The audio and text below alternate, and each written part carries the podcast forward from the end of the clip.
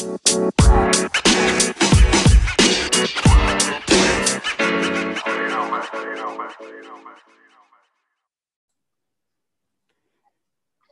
lu masih dengerin lagi podcast Kepo Kepo Kepo episode 47. Ini di seberang sana nih ada teman gue yang udah dua kali sempat jadi narasumbernya gue kepoin. Ini walaupun dia profesi profesinya sebagai lawyer, tapi gue lebih tertarik sisi lain dari dia sini. Ada Aryo Nugroho. Halo Yo.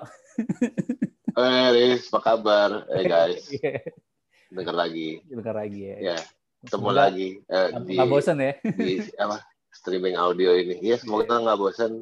Kita cuma mau update eh, keadaan-keadaan yang terjadi akhir-akhir ini ya, Riz? Iya. Kayak ini banget. Sehubungan dengan perspektif lo juga. Apa kayak tuh? apa? Kayak kadang kalau teman gue, ayo ketemuan lagi yuk kak, kita update kehidupan Eh. nih cie. Ngopi, ngopi, ngopi, ngopi.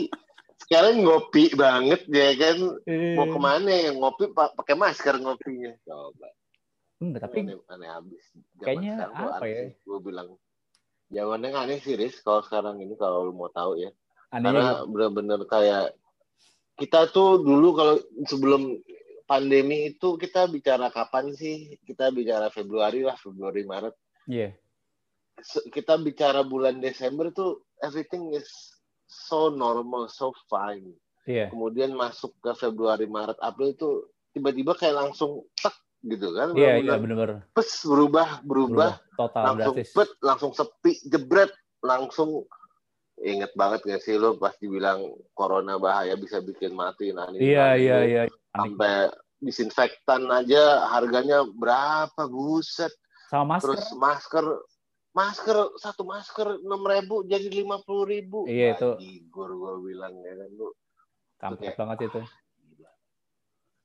jahat sih society kita itu lumayan jahat kalau masalah duit Tapi kalau lu baik-baikin juga si oknum itu. Gimana menurut lu? Apa tadi? apa? Iya, apa kalau ngomongin update kehidupan cie. Ini kan udah mau akhir tahun nih, yuk, nih cie. Kalau biasanya kan orang yoi. kayak selalu refleksi akhir tahun nih cie. Kayaknya kalau gue Anjing. melihatnya itu Eh, apa ya? Kalau melihatnya kalau di Ah. tahun ini kayaknya banyak banget yang bisa direfleksiin gitu loh. Bener nggak sih? Kayak banyak banget kok. Banyak Hmm. banget, banyak banget. Maksudnya pandemik tuh kayak kalau gue bilang kayak selain selain bikin bikin eh, mungkin gua atau mungkin yang lain jadi melakukan refleksi tapi juga kontemplasi yuk. Iya, iya. Nah lu gimana yang ngeliatnya yuk? Jadi kontemplasi itu kan bagian dari batiniah, ya, Hmm. bagian dari batiniah kita.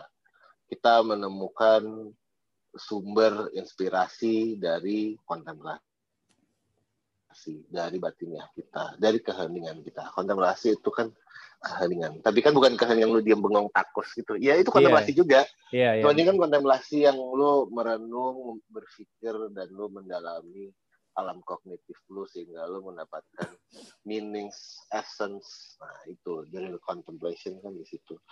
Memang selama pandemi ini kita memang secara nggak langsung dipaksa untuk melakukan kontemplasi.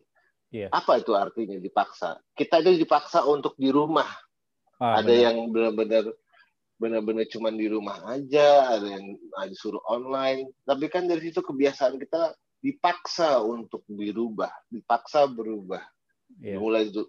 Jadi kita di- dikasih batas sekat, eh, lu nggak boleh ke mana-mana, lu begini aja. Ya udah, akhirnya kan kita yang mungkin biasa 9 to 5, pergi dari pagi, pulang kantor, tiba-tiba kita 9 to 5 juga, tapi di rumah Di rumah. ah.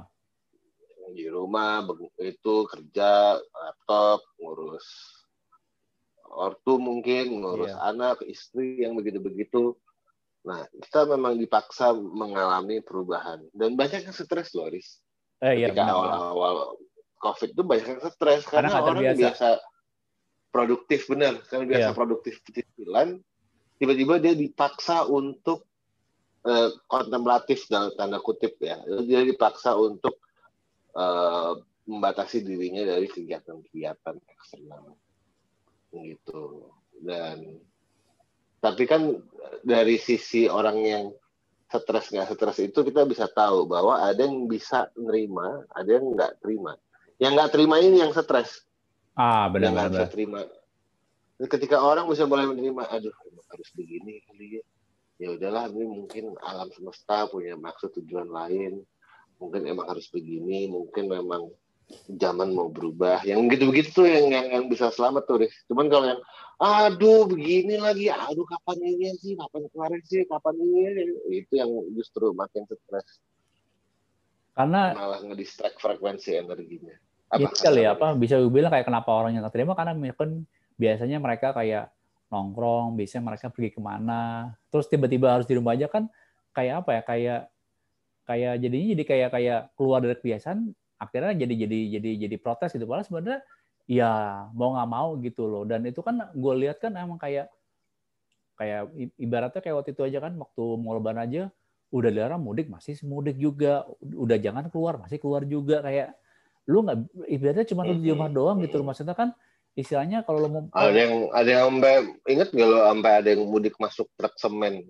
oh Gila iya kan? iya iya. Gila sih ngumpet ngindar sakit gue bilang itu kenyataan banget. Segitunya ya. gila.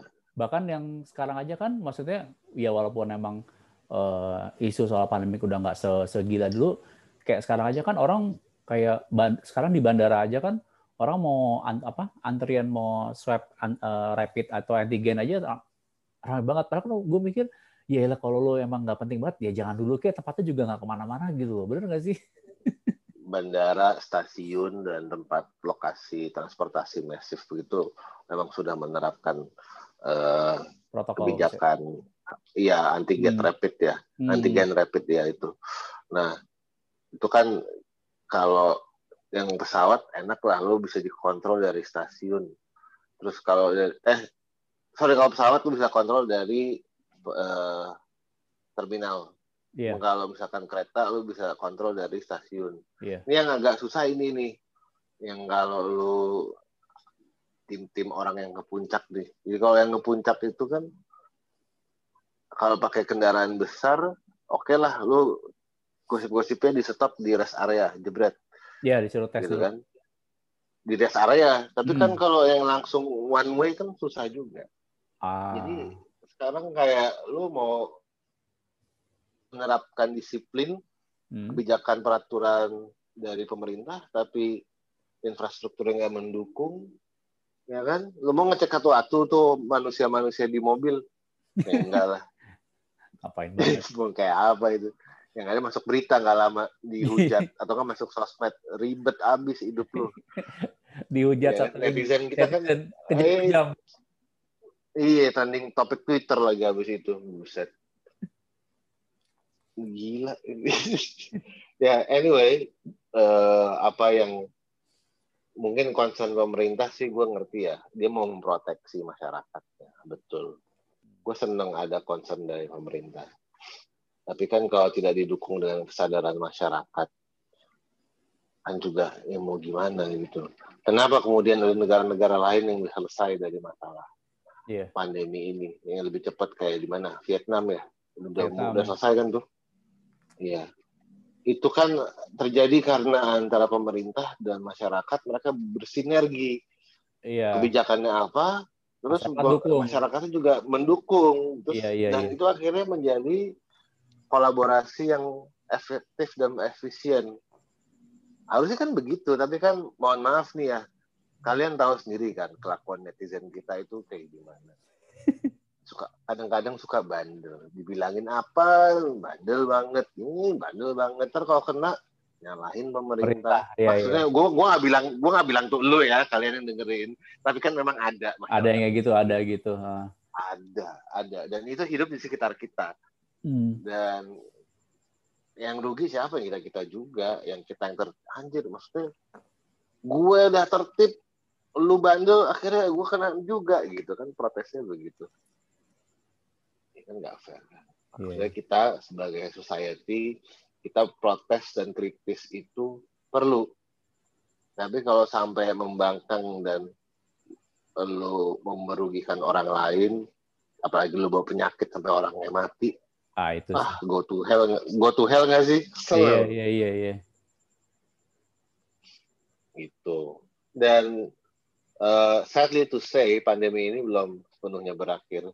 Tapi kita sudah menemukan celah-celah ya, untungnya celah-celah yeah. untuk uh, mengantisipasi supaya ini tidak spread lebih lanjut.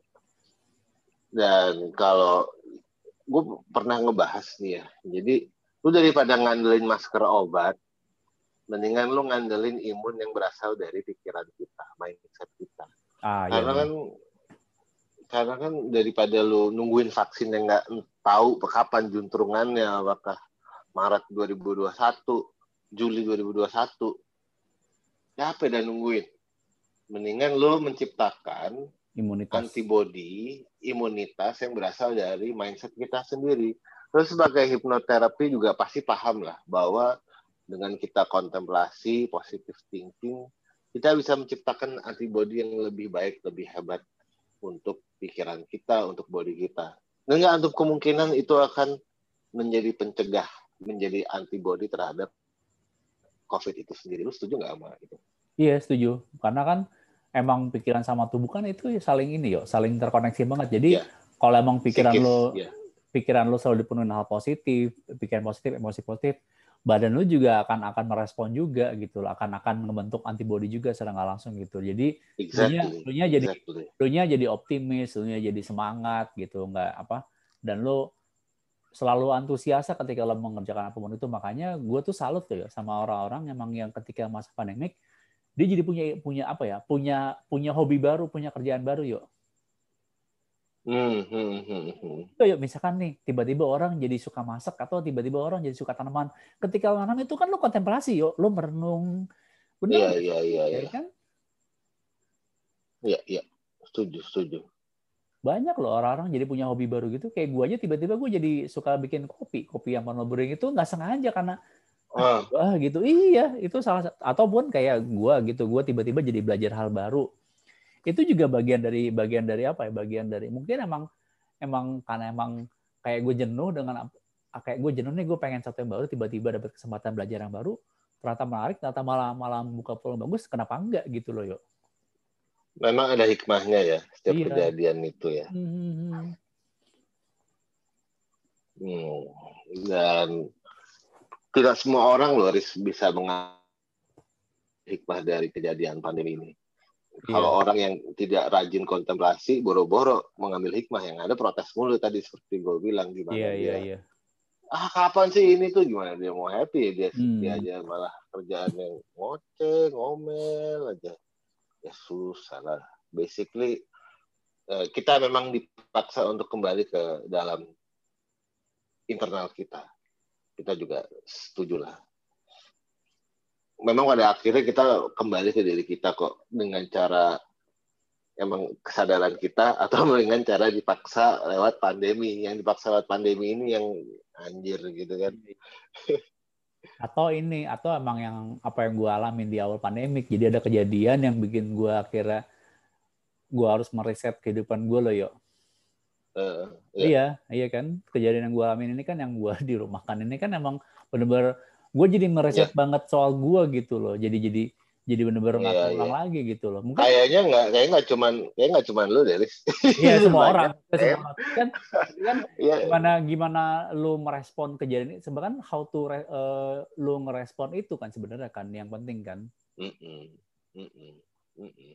Betul.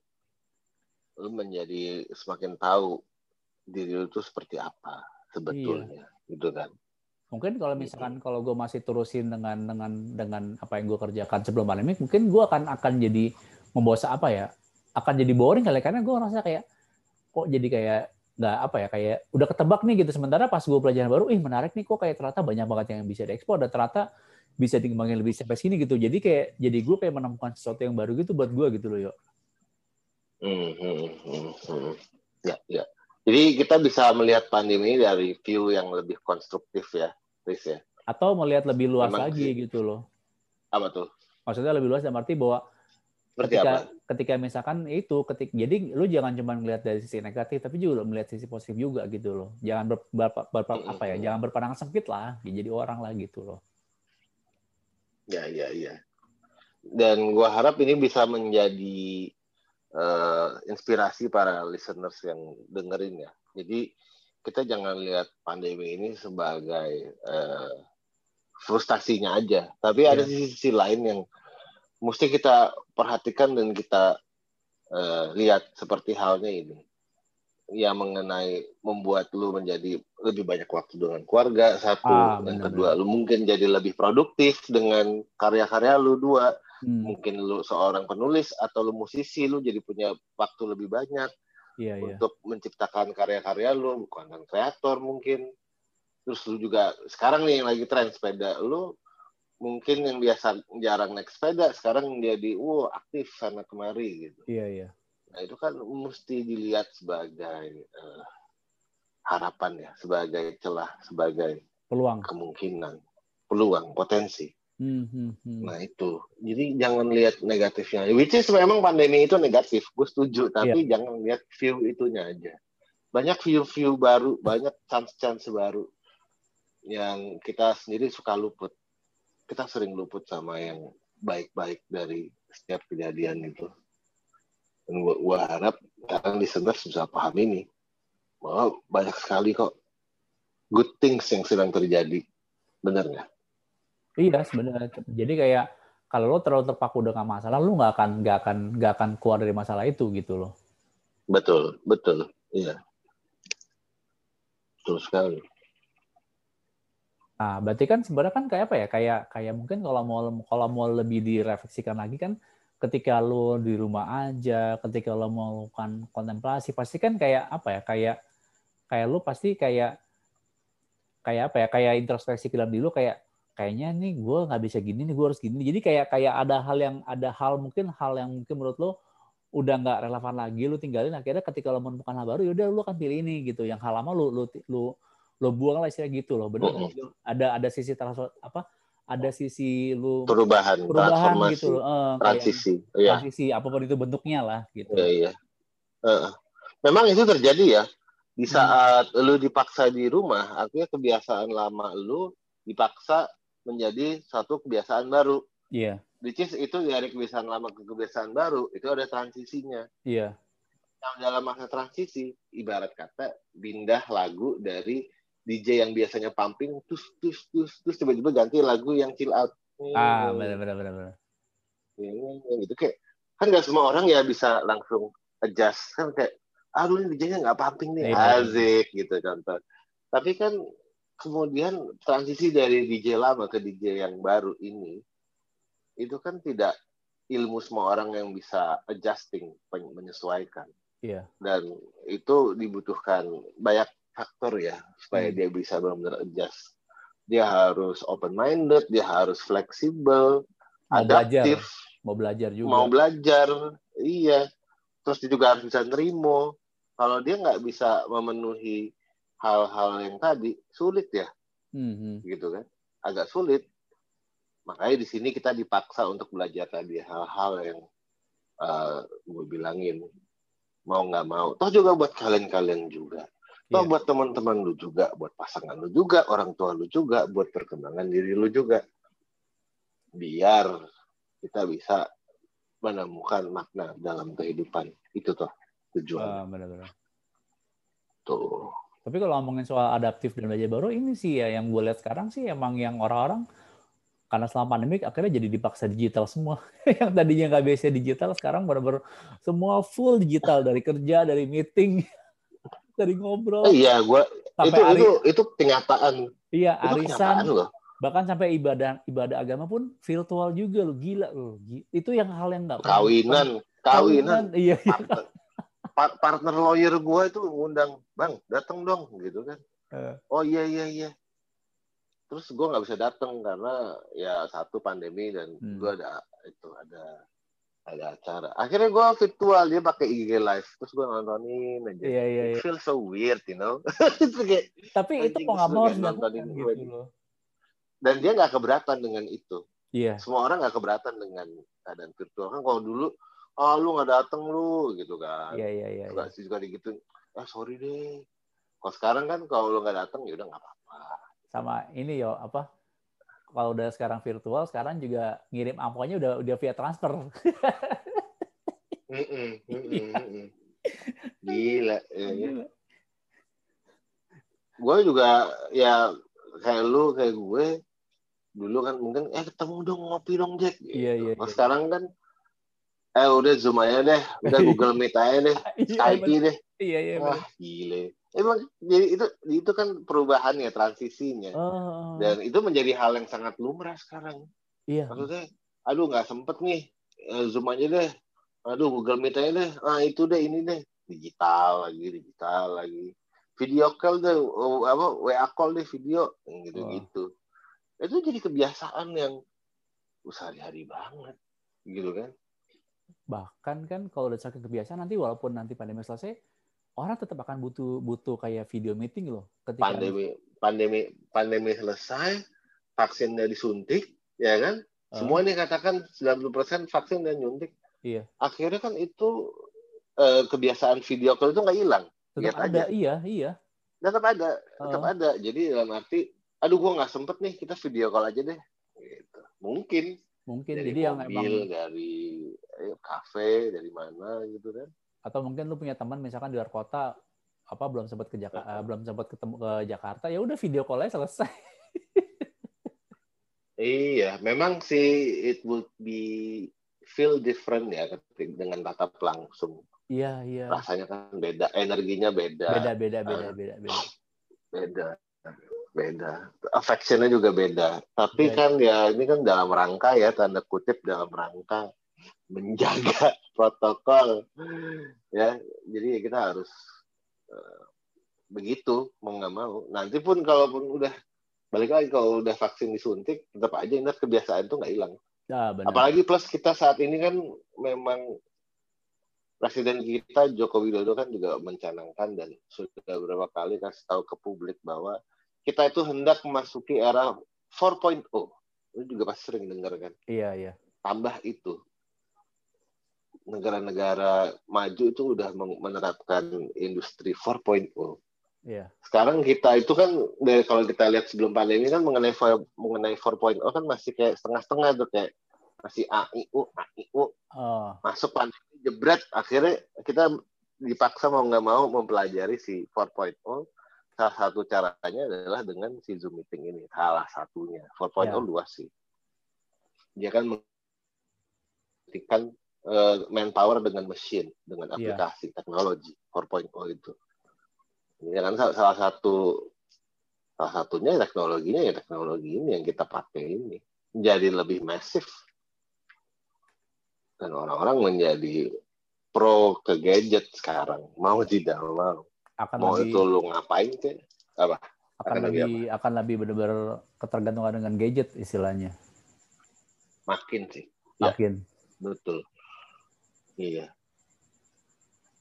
Tapi kalau tapi ngomongin ya kayak apa apa, kayak lanjut apa, lanjut. apa kalau ngomongin soal apa namanya Oh. kayak eh, digital ini kan gue kan emang sempat ikut bootcamp kan dan ini pertama kali gue ikut bootcamp Iya, iya. secara secara online. Itu tuh apa ya kayak pertama kayak agak agak awkward gitu. Tapi lama-lama bisa juga tuh gue tetap tetap apa ya tetap emang sebenarnya kayak baik lagi ada apa ya harus ada inisiatif dari dari guanya sebagai sebagai peserta bootcamp harus kayak aktif untuk untuk apa untuk eh, nanya untuk kayak apa namanya untuk tetap mau dapat maksimal tetap harus ada effort yang kuat gitu. Jadi kayak bukan berarti kayak waduh gue ikut bootcamp online ini nggak maksimal. Tetap sebenarnya tetap bisa maksimal. Selama emang lu punya niat mau belajar yang tinggi gitu loh ya punya niat keinginan tahu yang tinggi gitu loh ya ya ya ya ya. memang ya semua itu kan sudah serba digital tanda kutip ya emang emang iya. lu lu mau gua itu kan termasuk orang yang seneng dengerin musik. Iya. Gue dengerin emang gue ketinggalan juga sih. Eh gue dengerin musik itu biasanya gue denger di mana gue download gue download gitu atau gue beli CD emang Hmm. dasar OG ya kan Oh, gangsta orang lama gitu. Iya. jadi begitu kerjaannya. Terus kan kemudian ada sejak pandemi ini kan aduh gue iseng ah ngulik-ngulik ini Spotify ini. Hmm. Ternyata seru banget ya. Gue akhirnya kecan jadi kecanduan nih. Iya dan iya. ternyata bisa podcast juga salah satunya. Dan buat gue itu salah satu terobosan teknologi. Hmm.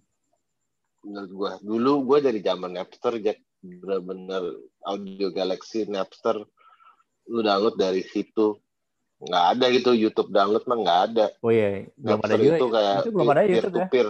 Nggak, nggak ada Napster mah gila ya. itu tahun berapa? 2002-an kali 2000 ya. awal. Oh, enggak, 2000 awal. lebih lama lagi. Enggak, enggak lebih lama lagi, Jack. Dari 97 itu. Gila. Udah ada Napster gila. Itu berarti internet masih ada. banget ya internet ya? Wow, mewah banget. Masih 56 kbps. Kalian Gila. jangan sedih ya, listeners ya. 56 kbps ngerasain nggak? Anjir. Jadi kalau kalian kalian udah ngeluh, oh ini internetnya lemot nih. Ini rasainnya dulu tuh zaman dulu 56 kbps. Suara modemnya khas banget lagi kan. Dulu nggak ada tuh WA, dulu kita iya. MIRC. Wah. Itu berarti 56 Mbps sebelum ini ya, sebelum apa dulu Telkomnet instan ya. Anjir, iya benar benar benar. Itu kayaknya pas udah ke upload, wih keren banget. Sekarang it's a very cheap technology 56 kbps itu. Sekarang udah berapa ratus mbps ya di Iya, dua ratusan kali ya yang udah, beuh, udah nggak main-main sekarang ini. Iya iya. Nah selain ini juga sih apa selain teknologi juga yang gue lihat kan juga kayak kebiasa apa ya kayak habit yang yang kebangun selama pandemi ini ini loh. Orang jadi hidup sehat loh yuk baik secara secara pola hidup sama pola makan loh. Iya, karena kan itu benar, eh, kesehatan itu, itu jadi benar. kesehatan itu jadi penting karena kan nanti ngaruhnya ke kesehatan mental kan. Kalau kalau istilahnya kalau lo konsumsi makan sehat Benar. gue sih yakin pikiran lo sehat apa eh, fisik lo sehat itu berpengaruh ntar ke ini juga ke mental sama sama emosi lo juga gitu loh Mental emosi sehat, hmm, betul. Tapi kan ya gimana ya? Kan namanya juga pandemi. Pandemi itu kan uh, spread of disease. Lawannya disease kan health. health ya Jadi ya otomatis untuk melawan disease ya dengan kesehatan. Hmm, Maka jagalah kesehatan dengan cara apa? Apa istilahnya 3M ya? 3M Mencuci tangan, memakai masker, lagi apa sih? jaga jarak Oh, menjauhi menjaga jarak jaga jarak. menjauhi jauhin siapa ya?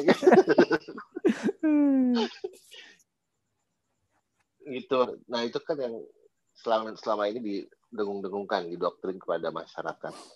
Ya so far sih oke, tapi kan itu percuma kalau main kita kacau. Ini ya gue juga mau sharing juga ya. Di kantor gue itu ada dua yang kena positif COVID oke kebetulan. Gue udah udah mati gue. Shit, anjing gue mesti rapid lagi nih ya. gitu iya. doang gue udah mati ucis terus. Tapi gue alhamdulillah negatif ya.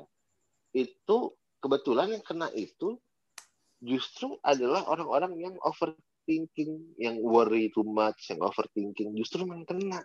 hmm, Percaya nggak? Itu benar-benar emang jadi katakan nih eh, board of manajemennya ada empat orang nih. Iya. Ya, ada gua, ada bos gua, terus ada satu finance, satu senior manager. Iya. Itu yang senior manager dia modelnya overthinking gitu, Riz. Virgo overthinking. Aduh buset ini ini, aduh ini, aduh itu. Virgo overthinking kelar ya kan. selesai deh Aduh, itu kena. Terus, hmm, akhirnya sebulan nggak masuk isolasi mandiri, akhirnya negatif. Terus yang satu lagi adalah eh, Virgo Agustus, worry too much, hmm, oke cewek. Itu kena juga baru. baru gua, ah, gila ya.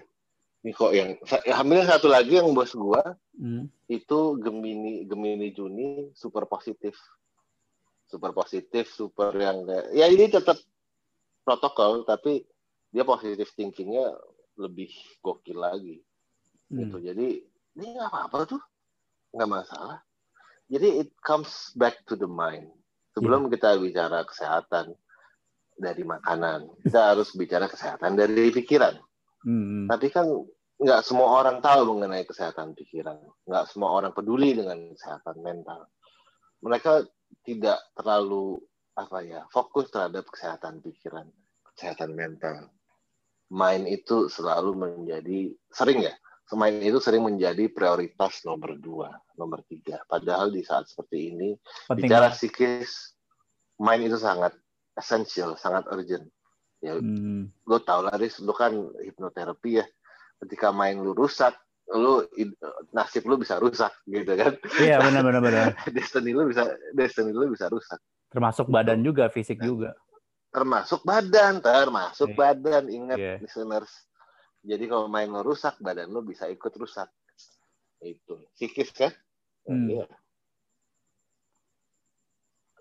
cuman berapa orang yang sadar sih yang kayak begitu Ya, tapi kalau gimana mau sadar kok tiap hari kerjaannya di di dijelin berita covid dari Nah, media nasional. Iya iya iya. marah loh gue gue kesel loh Gua- maksudnya bukan pagi suka pagi bangun non TV covid.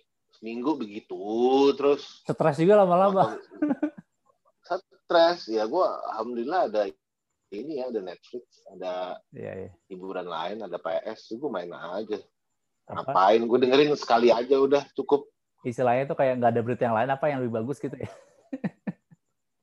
tahu jejelin itu terus itu terus kita di di di, di apa ya kayak dijejelin dengan ketakutan Iya benar benar benar. apakah itu sudah seperti kata jaring itu konspirasi elit global it could be Mungkin. itu bisa jadi Iya. mungkin aja gitu tapi itu maksudnya mau itu elit global atau enggak penjejelan terhadap ketakutan memang sedang terjadi. Mau itu elit global atau enggak? Lihat aja media nasional internasional isinya begituan mulu. Gedek loh. Gue udah gedek banget. Sampai muak. mau itu asal dari mau itu asal dari siapa ke? WHO ke? Bill Gates ke? Apa ke? Elit global ke? Artinya doktrin ketakutannya itu memang sedang dilakukan secara masif. Hmm. gitu. Ya itu kenyataan kok. Like it or not Sekarang tinggal kita menyikapinya aja. Nah, iya. Itu kan sebenarnya kayak mungkin ketakutan itu emang emang nggak bisa dihindarkan, tapi kan gimana kita merespon itu sebenarnya yang kita bisa pilih yang yang kita bisa bisa setting gitu loh. Iya. ya betul. Hmm, betul betul betul. Kita bisa setting itu. Makanya emang kayak selama pandemi ini yang yang gua gua alami sendiri, gue jadi banyak waktu buat meditasi, buat apa self hypno, jadi banyak gua lebih banyak lebih banyak ya melakukan internal fokus lah bahkan sampai yang gue pernah ceritakan gue tiba-tiba dapat insight tentang burung burung phoenix itu kan Mm, iya iya iya iya ya, iya itu itu kayak Iya. wah ini emang udah waktu transformasi buat gue nih bener-bener sampai dikasih simbol yang nyata banget yang jelas banget buat gue gue udah tahu nih artinya apa gitu loh Iya iya iya iya. iya. Memang tapi kan apa ya? Bukan bukan kesadaran semua orang untuk melihat momen ini hikmahnya apa. iya iya iya Kadang kita kadang mereka harus tahu dari orang lain, lihat contoh orang lain, iya mungkin dengar dari podcast ini, mungkin dengar dari apa, dari mungkin harus ketemu parent leader, mungkin dengar ada orang nguping orang terus jadi Iya, dapat iya. hikmah. Ya kan orang bisa dapat message dari mana pun. hmm. Tapi intinya adalah menyikapi ini menjadi seperti apa. Seperti hal yang tadi DJ yang dari lagu pumping masuk langsung lagu chill out kayak sekarang gitu. Eh, Sekarang habis lagu chill out memasuk lagu pumping lagi. Cuman beda lagu bedanya beda lagunya sama DJ awal. Tetap pumping tapi musiknya udah beda. Bagaimana kita dansa terhadap musik-musik dari DJ ini? Itu kembali ke kalian. Bisa nggak? Ya gue analogi gue kok jadi di diskotik ini. Tapi itu kurang lebih ini ya. Itu kurang lebih yang ya eh, metafor yang bisa gue sampaikan. Karena kalau kita tidak mau menyesuaikan diri terhadap musik yang sedang berjalan bagaimana kita mau survive? Bagaimana kita mau struggle? Iya. mau struggle joget lu salah. Akhirnya lu malah di ah gitu kan malah senggol malah jatuh macem-macem lah jadi mengenai adaptif ini adalah bukan ilmu semua orang. Tapi kan bukan berarti nggak bisa. Pintar-pintar kita aja. mau atau enggak Mau atau enggak. Iya, mau atau enggak. Itu. Karena perubahan itu pasti. Seperti yang kita pernah bahas. Perubahan itu Ya. pasti. Benar. Tidak sedikit kok di lingkaran gue ya terutama ya. lingkaran kalian mungkin juga ada Hmm. keluarga, teman, orang tua atau siapa pun yang kemudian meninggal di era COVID atau sakit di era COVID. Iya. Nggak sedikit. Bahkan ada yang terbaru ini, gue juga. Jadi ada anak Light Givers juga ada yang baru meninggal tuh. Riz. Oh, siapa? Mbak Endang ya? Eh, Eh, Ekta, Ekta, Ekta. Madam Ekta. Iya. Dulu dia ikut kelas Aura Reading bareng gue, Hmm. gitu kan. Termasuk yang hebat menurut gue. Termasuk yang jago. Oke, oke. tapi ya ajal ngomong lain ngomong Iya. apa my point is perubahan itu pasti bisa datang kapan aja Iya. tapi kalau kita tidak bisa menyikapi perubahan itu kita tidak siap dengan apa pun yang terjadi dengan kita kita tetap hidup dalam ketakutan kita buat apa Hmm. kita harus siap apa pun kok ini keadaannya seperti ini soalnya cuy masih muda-muda cuy ini yang sekitar gue gitu pada meninggal tuh pada ya Allah ada yang masih 40-an ada yang masih 20-an gara-gara begini gitu kan. Ya kita harus lebih live your life to the fullest menjadi manusia seutuhnya itu menjadi esensial dan penting karena hidup cuma sekali. Lu mau hidup mau umur berapa sih, Riz? Gue mau tanya ke lu. 90 tahun? 95? Mau lu hidup masih 95? Atau Hmm. 105? Nggak ada yang tahu juga sih. lu mau nggak? Tapi kan kita sempat speculate itu kan ngobrol-ngobrol. Hmm. Kalau misalnya lu hidup kan panjang umur ya kan, oke lu iya. panjang umur ya kan, panjang umur sampai umur berapa ya? Gue mau tanya. 95, 120. Mau lu hidup mas 120? Gue tuh gue lagi mikir mikir. Iya sih, gue mikir kayak perlu nggak kayak ini nggak sih kayak gue nggak gue mikir gini kayak perlu nggak sih kita hidup sampai selama itu gitu loh. exactly. Ya, Iya, iya, perlu nggak sih iya sebenarnya? gitu itu loh. Worth itu. it nggak sih? Worth it gitu, bener nggak sih? Apa jangan kita hidup sama itu ntar malah jadi malah bukannya malah bermanfaat malah jadi malah jadi ngerepotin semua orang kan jadi males gitu loh. Eh, iya, iya. Malah jadi nggak asik hidup kita. iya, gitu kan. iya. Itu mungkin kayak ini kali kayak sebenarnya kayak kita sendiri nantun kita tuh kita kalau emang emang dikasih kesempatan hidup lama pun apa sih yang mau kita lakuin gitu loh. Apa kita emang mau mau Betul, betul. mau gitu-gitu betul. aja atau kita atau kita memang mau tetap punya aktivitas atau kita mau tetap memberikan manfaat ke orang banyak itu kan pilihan Mau. pilihan yang di tangan kita gitu loh. Mau jadi tajir. Kalau rata-rata sih orang Jakarta mau jadi tajir. Intinya sih gini yo, intinya sih Kaya, intinya kaya sih material. bukan bukan masalah bukan masalah tajir atau gimana yang gue sih akhirnya dapat insight adalah kalau gue dikasih hidup hidup lama misalkan sampai 90 95 110 gue nggak mau hidup gue membosankan dari itu aja Nah, bener nggak iya, iya, Iya. iya, iya. iyalah karena percuma lo kaya banyak duit tapi lo hidup lo bosen gitu aja stres juga lo Iya, memang ini ini ada, ada satu cerita nih. Jadi she's actually my step sister. hmm. Gue nggak sebut siapa. Iya. Gitu. Eh, nikah, tapi dia cerita ke gue, gue udah punya semuanya. Dimas itu gue panggil Dimas. Hmm. Cuman lu lihat gue, gue udah kayak nggak ada artinya nih semua. Dia bilang.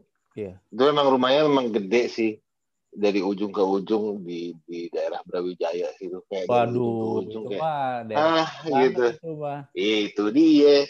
Ini nggak ada artinya nih semua nih. Gue jalanin rumah tangga ini. Ya. dapat ini dapat ini. Gue gue nggak happy. Kayak gue kayak dengerin aja itu I'm sorry for you dalam hati gue ya kan. Tapi hopeless banget tuh ya. ada orang udah iya iya iya. Udah kayak bahwa kita jangan sampai terikat dengan yang namanya sosial stigma. Ah. stigma sosial itu kan menjadi apa ya menjadi shuttle penghalang dalam spiritualitas lu juga semua orang malah. Iya iya iya. Gimana lu bicara lu mau bicara inner happiness inner calling tapi lu terikat sama stigma sosial. Apa sih? Enggak kayak gitu ceritanya.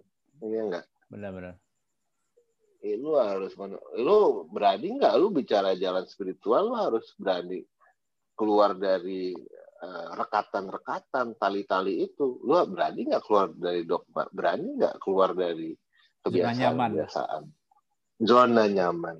Hmm. berani nggak lu dicap kafir? Lu, lu kalau misalnya mau bicara spiritual minimal ada yang ngecap lo kafir. Minimal. Mau lo kafir atau enggak bukan urusannya mereka Iya. urusan lo dengan pencipta lo sebetulnya tapi mana berapa banyak sih yang berani gitu berapa banyak sih yang bisa yang berani bikin self connection with the divine itu berapa banyak Itu enggak, enggak, istilahnya enggak, enggak semua orang siap jadi martir ya, Ci. ya ini siapa jadi martir ya setuju setuju Benar. Iya. iya iya, udah kayak ini, udah kayak Iya, sesi di iya. jenar. Siap jadi martir ya udahlah gua. iya iya iya enggak enggak enggak, enggak semua orang berani Iya. mereka Memilih. beraninya hidup di zona nyaman mereka beraninya gue pengen masuk surga pasti gitu. Padahal maksud gue belum tentu ketemu Surganya. Tuhan.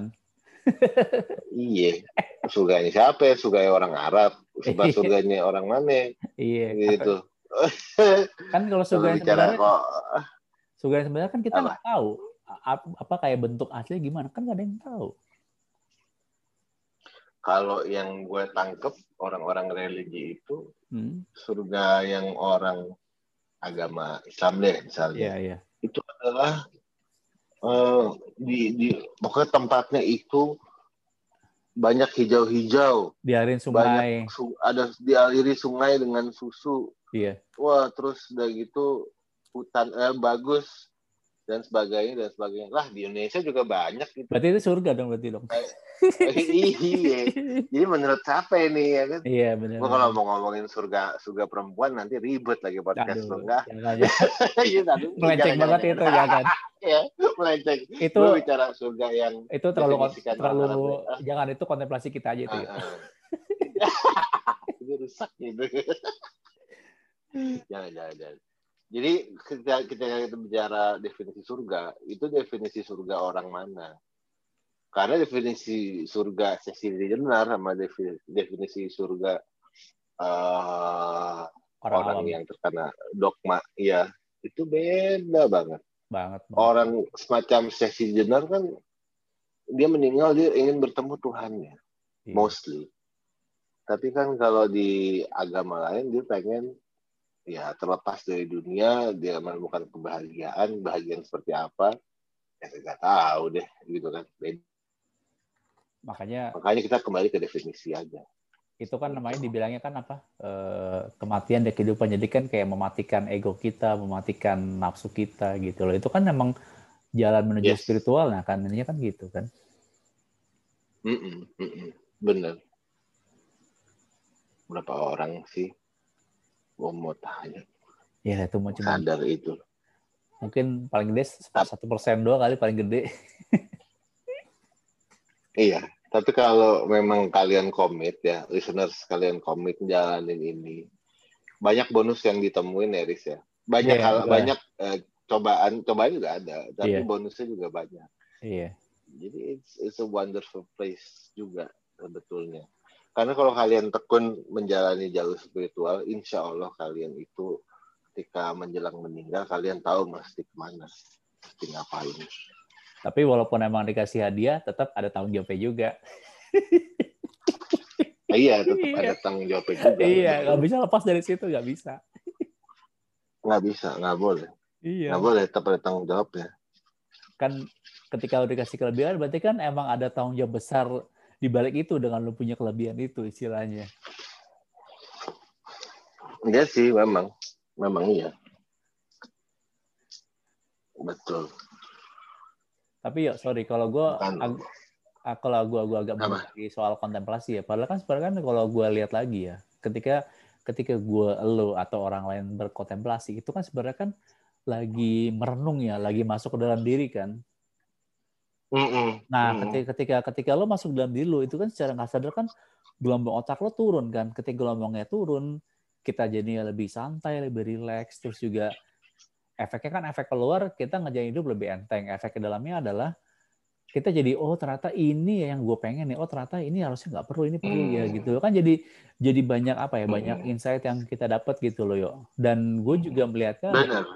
Dan itu lu percaya nggak sih dengan apa ya kalau gue mungkin bahasa gue kayak apa ya kayak uh, collective consciousness gitu jadi ketika semua orang pada kontemplasi mungkin kayak akan membentuk sebuah medan energi yang mungkin akan ngasih efek bagus ke semua orang gitu ya kalau menurut gue sih setuju bahwa teori collective consciousness itu kan memang teori yang di pertama kali dikemukakan oleh Carl Jung yang diskeptiskan banyak orang. Iya. Tapi untuk untuk para kita yang menjalani uh, spiritualisme ini memang tuh memang kenyataan bener banget bisa hmm. banget hmm. dan human resonance itu adalah uh, real ya karena kan yang namanya ide inspirasi intuisi itu kan banyak datang dari keheningan keheningan yeah. dalam arti apa sih bukan keheningan karena lu diem terus lo jadi dapat ide enggak enggak, enggak, enggak. kan dalam arti mulut dan pikiran dan hati lo menjadi satu dengan alam ini. Iya.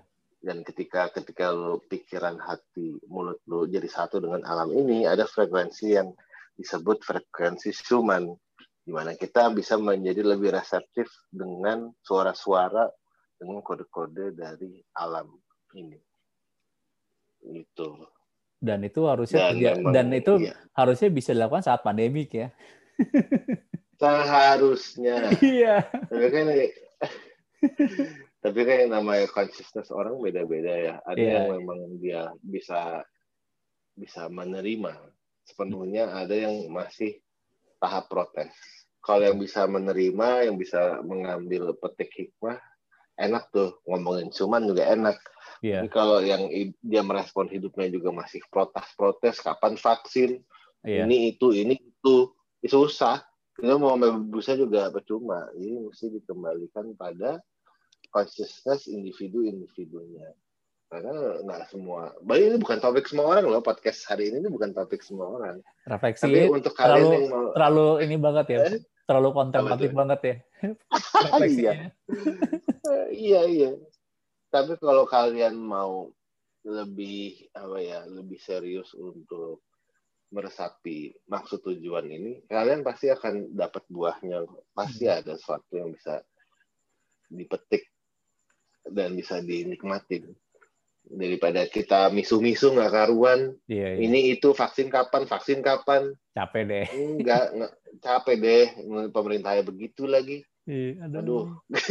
daripada kita capek-capek nungguin vaksin dengan kita bikin yang tadi kita bahas tadi kita yeah. menciptakan antibody dari main do something lah kita. daripada kita. protes mulu. Do kita, something. uh, uh. kalau protes mulu yang ada lu ciptain hormon negatif malah kena lagi. Dan lu juga ketika lo ketika lo komplain tuh akhirnya kan lu juga menyebar frekuensi negatif juga ke ke sekitar lo benar. Ya ya setuju. Setuju mau itu teks WA ke? Ya kan mau iya. itu apa nah itu. Makanya psikis itu bukan ilmu semua orang sebenarnya. Tapi itu kenyataan yang harus kita hadapin lewatin. Itu mungkin ini kali ya kayak hidayah kali ya cek hidayah. Kayak mungkin kayak Aida ya kayak kayak ngeri ngeri ngeri. apa kalau bahasa kerennya kayak mungkin kayak nah. nggak semua orang bisa dapat. Kita mungkin kayak perlu ada momen trigger or initial event ketika mungkin baru orang dapat oh ternyata ini eh, istilahnya baru ntar uh, konsistensinya baru naik gitu ketika ada ada trigger gitu loh ya ya ya ya ya, ya harusnya pandemi bisa, ini bisa. harusnya kan pandemi ini sebuah sebuah trigger yang gede banget sebenarnya buat kita oke okay, kita harus kontemplasi ini harusnya ini gitu kan walaupun ya hanya berpo hanya gue nggak bilang nggak nggak bilang nggak ada pasti karena ada. lu sendiri karena karena kita dipaksa kontemplasi sama nature sebenarnya. Iya iya benar benar dengan dengan dengan dengan dengan apa? Dengan kita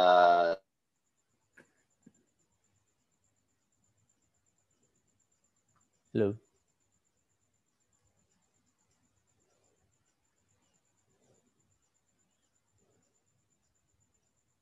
Halo yuk. Kita kan dipaksa lockdown oh, iya, oleh iya. nature, oleh society. Tapi kan di balik makna lockdown ini tidak semua orang menjalankan lockdown dengan sepenuhnya. Ada yang masih protes nunggu vaksin balik lagi itu kayak aduh kapan majunya sih nih Iya, iya, iya. ini kan kita kita kan juga kita juga mau vaksin dalam arti ini tapi bukan ini yang harus kita pelajarin kita harus raise our awareness raise our consciousness dengan yang lu bilang tadi kontemplasi itu Hmm. adalah satu cara yang baik agar kita bisa adjust with the situation karena kalau kita nggak begitu ya kita bisa juga adjust cuman susah aja geradakan Iya. aja jalannya bener nggak Ya intinya apa ya? dikasih jalan enak intinya kita nggak boleh protes dengan pandemi karena emang ya emang udah kalau terlepas dari adanya teori konspirasi ini diciptakan atau enggak kan at least emang Tuhan sudah sudah apa ya Tuhan tuh sudah menskenario-kan ini udah harus terjadi gitu di saat sekarang gitu loh dan harus terjadi iya harus terjadi ya. dan ketika itu terjadi dan cukup Dan- lama lagi kan Iya, hampir hampir hampir setahun loh, gila loh. hampir setahun iya Iya, hampir setahun loh, gila loh. Itu ibaratnya selama gua setahun. aja WFH di rumah aja 8 8 bulan Gila. Buset. capek bener Tapi kan emang ya ya mau gimana emang emang kenyataan gitu mau nggak mau kan ya udah kita terima aja, ikutin aja, dibawa ya di, di dibawa enjoy Hmm. aja, nikmatin aja kan gitu kan sebenarnya kan. Iya memang, memang gitu. Tapi lucunya ya, Riz, Hmm. eh, seperti yang kita sempat diskusi mengenai transisi ini, kok ya bisa-bisanya bertepatan dengan the Great Conjunction. Oh iya iya iya. Jadi saat-saat ini Great Conjunction ini tuh kemungkinan listeners pada nanya apaan sih Great Conjunction? Iya. Itu adalah mas, satu masa di mana Jupiter dan Saturnus ya menjadi jadi lagi align Lagi sejajar. lagi menyatu posisi planetnya iya Hmm. betul dan itu yang salah satu efek yang kayak efek klimaksnya ya. Hmm. di mana transisi itu menjadi feel so real. Karena perubahan-perubahannya itu menjadi feel so real dan menjadi sangat nyata saat ini. Sekarang tinggal pinter-pinternya aja. Kok ya bisa-bisanya gitu transisi pandemi Iya, plus ada transisi Great Conjunction, Great Conjunction. What Yang terjadi berapa tahun berapa? Berapa tahun sekali terjadi? Apa? Berapa tahun? 20, 20 20, tahun, 20 tahun. Dan 20. ini kan juga 20 tahun ketika- yang gue baca juga yang ada salah satu uh, pakar feng shui dan astrologer astrologi juga bilang ketika uh, Pak Gunadi ya. Iya, Pak Gunadi Wijaya yang dia bilang bahwa ketika Yesus lahir itu, itu juga sedang terjadi Great Conjunction juga. Momennya pas banget gitu loh. Kok ya kok bisa gitu gitu Iya, kan? iya, pas banget semuanya gila. Tiga momen yang berdekatan loh. Pandemik, Great Conjunction, Iya. apa, kelahir, apa eh, kelahiran Yesus gitu loh. Iya. Bisa gitu ya. Nah itu.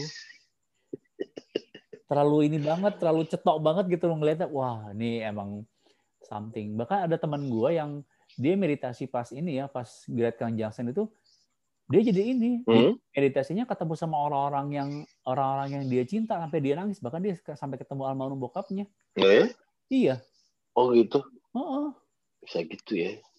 tapi kalau gua ketika gua pas Great Conjunction gua meditasi oh gua ngerasa energinya halus banget ya halus banget sampai nggak berasa Halus ya. Oh ya. halus kalau gue sih nggak tahu gue experience kayak Hmm. gitu gue ngerasanya Hmm. Gitu. Dan emang apa ya gue ngerasa kayak kok kayak dan gue gue merasa emang emang emang gue merasa waktu itu gue meditasi emang eh masuk ke posisi apa ya ke posisi transnya ke posisi gelombang otaknya ke tetanya itu lebih cepat Oh iya. iya. Well, I should try that. nah itu itu kayak wow ini ini menarik nih fenomenanya gitu loh. Karena emang gue akhirnya juga selama pandemi ini akhirnya gue jadi jadi apa ya jadi mulai notice soal astrologi soal apa uh, birth chart soal north node gitu. Gue juga akhirnya juga ngoprek-ngoprek natal chart nih sekarang. ya gue juga gara-gara hmm, gara-gara gue kenal sama apa dikenalin sama teman gue eh dikenalin sama teman gue uh, guru seorang guru yang dia juga baru main tarot. Ternyata dia ngerti ngerti soal astrologi juga dan dia cerita soal north node. Pas gue cek ternyata north north node gue Aries waduh nih Oh. yang di mana emang Aries itu emang udah saatnya lu as a leader udah bukan sebagai supporting atau sebagai orang yang pendukung doang gitu loh. Iya iya iya iya iya. Ya.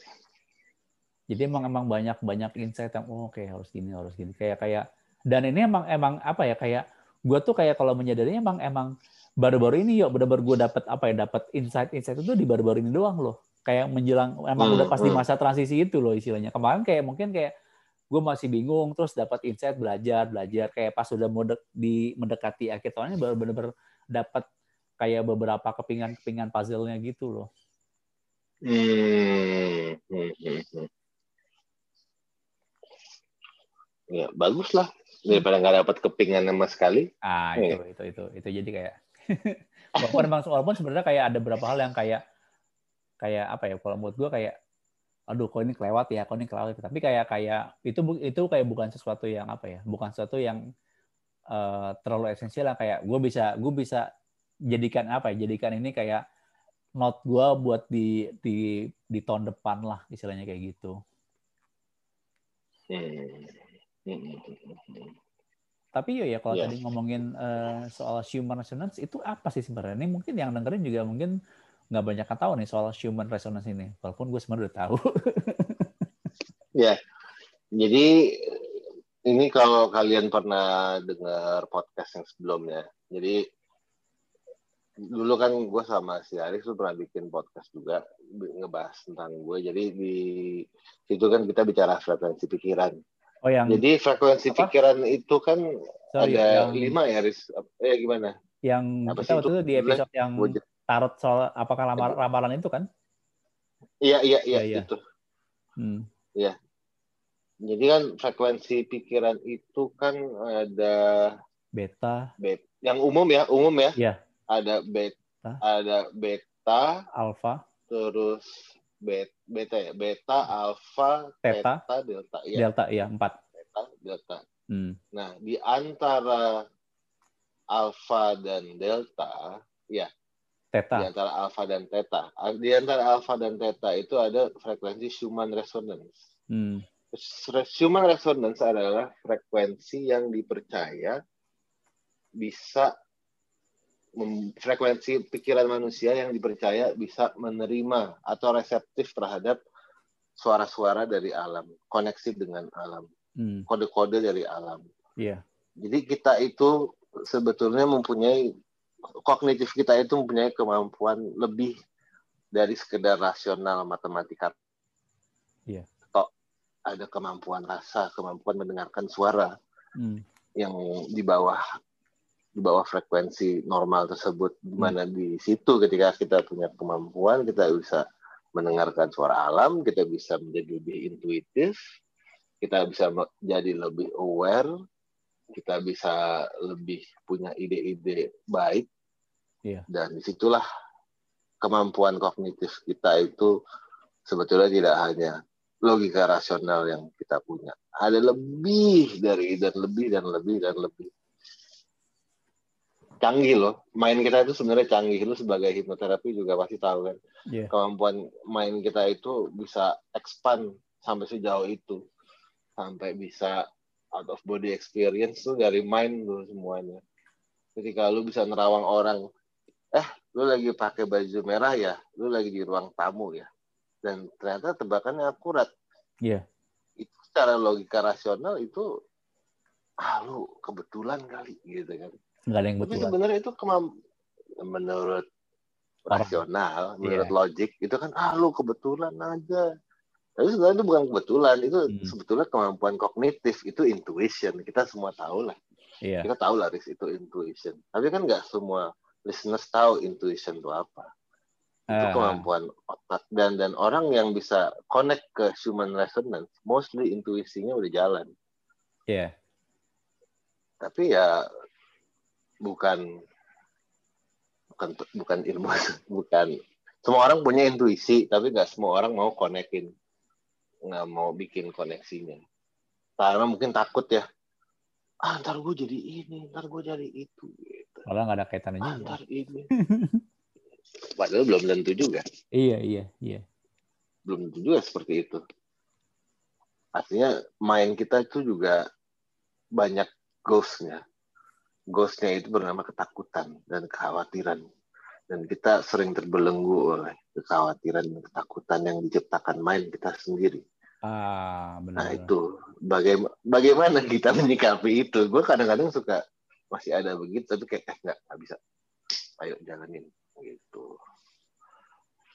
Tapi ya it's about ini ya struggle kita terhadap diri kita ya terhadap hmm. kalian dengan diri kalian hmm. bisa sejauh mana kalian meng, meng, meng, melawan hantu-hantu ketakutan itu kalau lu ketemu hantu kuntilanak genderuwo ya emang serem juga ya, gitu. ya, tapi ya, itu bener. bisa dikalahin dengan ke kemampuan doa. Tapi kalau ketakutan lu untuk maju ketakutan lu untuk uh, ini ini ngambil peluang nah itu gimana? Hmm. gue kadang juga masih ketemu gimana cara ngalahinnya. Tapi kan itu bukan berarti nggak bisa diantisipasi. Itu kan bisa dipersiapkan. Ada preparationnya. yeah. Itu kan bisa di riset bisa dianalisis dan yeah. itu bisa decision takingnya juga bisa dan dan ada ada ada keyakinan juga yang mesti kita punya untuk menjalani itu semua. Nanti keyak, nanti keyakinan itulah yang akan mengaburkan ketakutan dan kekhawatiran. Gitu. Hmm. Kan berapa orang sih yeah. orang yang bisa gitu. Gue juga ngomong ya kayak teori, tapi tapi emang seperti itu, Riz. Dulu gue pernah baca buku tentang seorang miliuner zaman 90 era Pak Harto. Namanya Bob Sadino. Oh, gue iya. baca bukunya tuh Buset. Dia tajirnya bisa kayak begitu. Lulusan SD, cuy. Kenapa? Lulusan SD. Oke. Okay. Sambil kita lulusan S1, S1. dia kayak eh, itu gini-gini aja ya gitu. Yeah, yeah, dia yeah. sambil si almarhum udah punya apartemen di Kemang segitu tinggi, gokil. Ya sama ya, kayak inilah, ya almarhum Ciputra juga lah. Apa? Kan juga, oh iya. Pendidikan pendidikan juga nggak tinggi banget tapi wow jadi jadi miliuner Mall bos. Iya. Mall itu kita TBK deh kayaknya tuh perusahaannya juga. Udah TBK ya? Kayaknya udah TBK deh, setahu gue. Ngeri itu. Jadi ya kalian mau sukses, mau berhasil atau enggak, kalian sendiri yang menentukan nasib kalian bukan orang lain. Orang lain cuma dengar katanya, dengar stigmanya doang. Tapi kan pada akhirnya nasib ditentukan oleh diri kita sendiri. Dan hantu-hantunya harus kalahin. Kalau kita nggak bisa ngalahin hantu kita, terus ngarep maju, ya insya Bismillah aja deh. Yeah. ya, ya, karena karena juga susah. Itu harus dikalahin menurut gue. Kalau kalau mau maju gitu lagi maju ya dari perspektif mana sih materi to maju uh, itu kan indikatornya tiap gitu. orang beda-beda nih yo indikator ini eh, ya, kalau orang kalau orang Jakarta pada umumnya umumnya ya orang Jakarta pada umumnya kan orang Jakarta kan mostly mostly ya nggak semua yeah. jadi yang dia pakai itu indikator uh, ke, kesuksesan material doang tapi sebenarnya kan ini ada ada ada faktor lain, ada sisi lain selain yeah. material. Ada sisi friendshipnya bagaimana, hmm. ada sisi uh, love life-nya bagaimana, inner happiness-nya bagaimana, hobi passion-nya bagaimana. Ini nggak cuma materinya doang. Yeah. Ada orang materinya bejibun, ya tadi salah satu contoh yang tadi gue bilang, ada juga kerjaannya bagus wah gajinya setinggi langit tapi gak atasannya happy. kayak tai atasannya kayak tai dia yeah, yeah. happy teman-teman uh. kantornya brengsek iya jadi kayak nggak nggak sebanding gitu loh kayak ah, kayak semua aja itu kebagiannya semua semua habis yeah. semua habis iya terus sistem sistem kantornya juga rese yeah. cuti juga dipersulit Aduh. Nah, akhirnya gaji gaji gaji gede lo kayak useless gak sih? Iya benar-benar kayak percuma aja. Asli. Kayak nggak bisa apa kayak kayak nggak tetap nggak bisa membeli kebahagiaannya dia gitu loh. Oh gimana mau bahagia coba akhirnya nggak sebanding dulu mau gaji lu 60 juta kayak jadi Iya. kenyataan kayak begitu. Tidur juga nggak enak Iya. gitu, karena lu ketakutan takut ya tiap hari. Lu khawatir aja. Akhirnya kayak fucking useless tuh salary segitu. Iya. ya kan asli. Nggak sebanding. Nah iya mengenai inner happiness. Eh, once kita menemukan inner happiness maka yang lain kita akan lebih toleransi sebetulnya. Hmm, bukan berarti kita nggak butuh kita tuh butuh. Betul betul. tapi kita lebih kita akan lebih toleransi. Oh, nggak apa-apa lah. Ah inilah ah, itulah. Ah masih ada Iya. besok kok. Ah itulah gitu lebih optimis dan lebih toleransi. Ketika kita menemukan inner happiness. Nah cuman kan ya seberapa jauh sih kita bisa menemukan itu seberapa jauh sih kita bisa mengalahkan bad mood kita sendiri seberapa jauh sih kita bisa apa ya mengalahkan hantu-hantu itu. Kalau hantu itu masih hidup dalam pikiran kita terlalu sering, Ya. terus lu mau inner happiness, ya good luck. Bisa bisa bilang itu ya, good luck ya. Silakan ditunggu hasilnya kabarin. Itu gimana? Berarti Ya, harusnya kan? berarti ya sorry harusnya berarti inner happiness itu harusnya bisa didapat eh, dengan kontemplasi di saat masa pandemik seperti sekarang dong harusnya ya. Kontemplasi di inner happiness itu kan bisa didapat dengan berbagai cara. Iya. memang kontemplasi adalah cara yang paling eh, efektif, Hmm, cara yang paling kena langsung ke dalam. Iya. Gitu. Namanya juga inner. Inner. Eh, eh. Kalau outer happiness, lu beli aja Nike Air Jordan baru, beli iPhone baru, Selesai. oh, senang, ya, selesai, eh, senang seminggu sebulan, Udah. itu bulan ketiga, udah gitu. Nggak dipakai lagi Kan namanya inner happiness. Enggak. Inner happiness itu kan berpanjang, sustain. Iya. Dia akan long term. Long term. ah, ah. Tapi gini juga, Riz, kalau lu tidak menjaga kontemplasi lu, nggak menjaga meditasi lu, kadang si inner happiness itu bisa pudar. Apalagi Ah. tinggal Benar-benar benar. di kota besar seperti sekarang ini ya. Iya. Di saat kegilaan-kegilaan ada di sekitar kita itu pudar. Banyak ah, dan banyak tuntutan-tuntutan yang harus dikejar gitu kan. Oh iya benar. No, itu harus benar-benar maintain the sustainability. You have to to maintain the meditation as well. Ya enggak?